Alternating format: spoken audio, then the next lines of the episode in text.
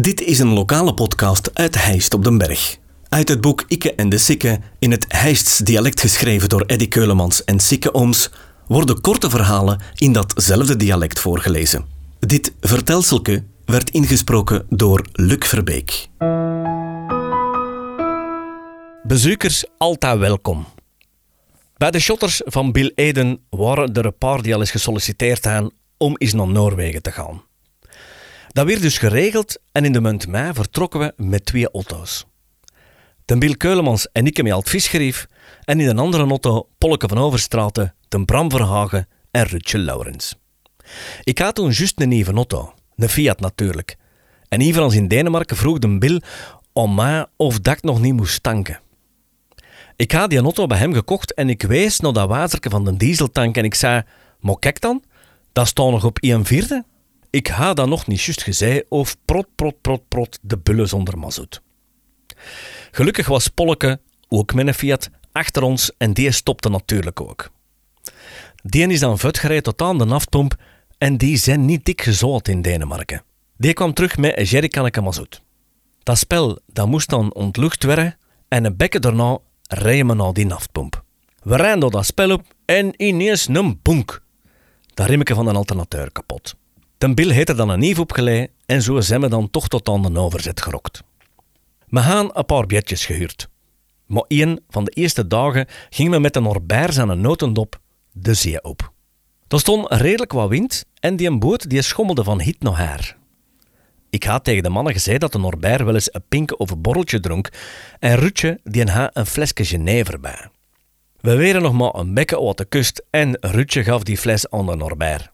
Die stond ontruur in dat klein kajetje. Nog geen tien minuten later stak die in ons zijn armboten en die gaf die fles helemaal leeg terug. Die wind stak op en terwijl dat een Bram boven op die kajoot stond te zingen, kreeg ik in de mot dat Polke zo wit als een lijk ontwerpen was. En bij was het zo wijd. Hij moest spouwen. Hij boog zo wat over de reling, maar die boot die deed zo lelijk dat ik overal moest pakken of hij ging overboord. Ik zei het is goed, spout maar Polke.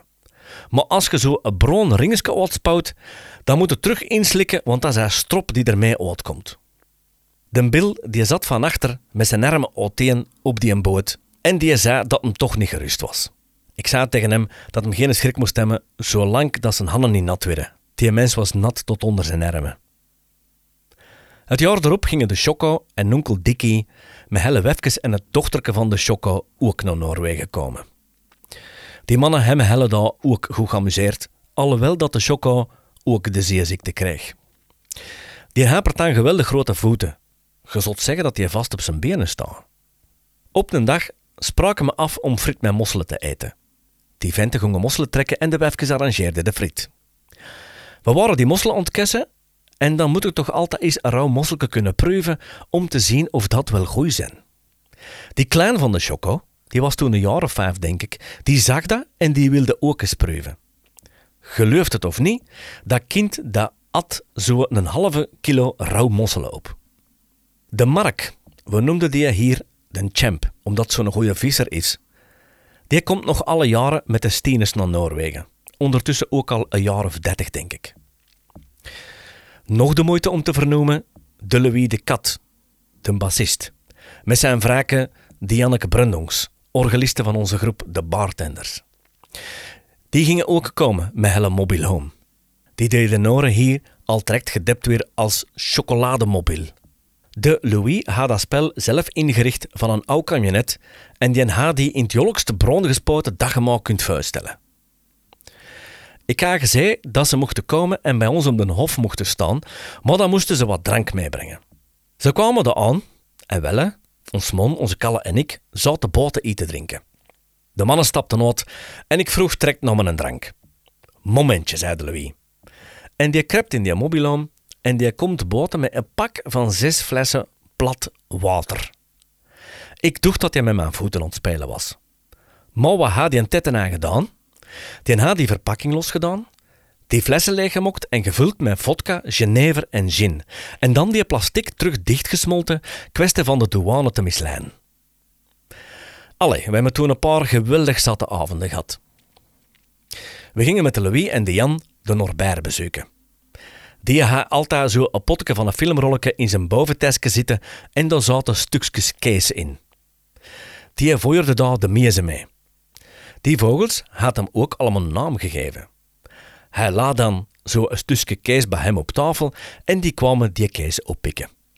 Soms lag een boter te slapen met een stuk in zijn wannes. En dan kwamen die vogeltjes op dat doosje tikken.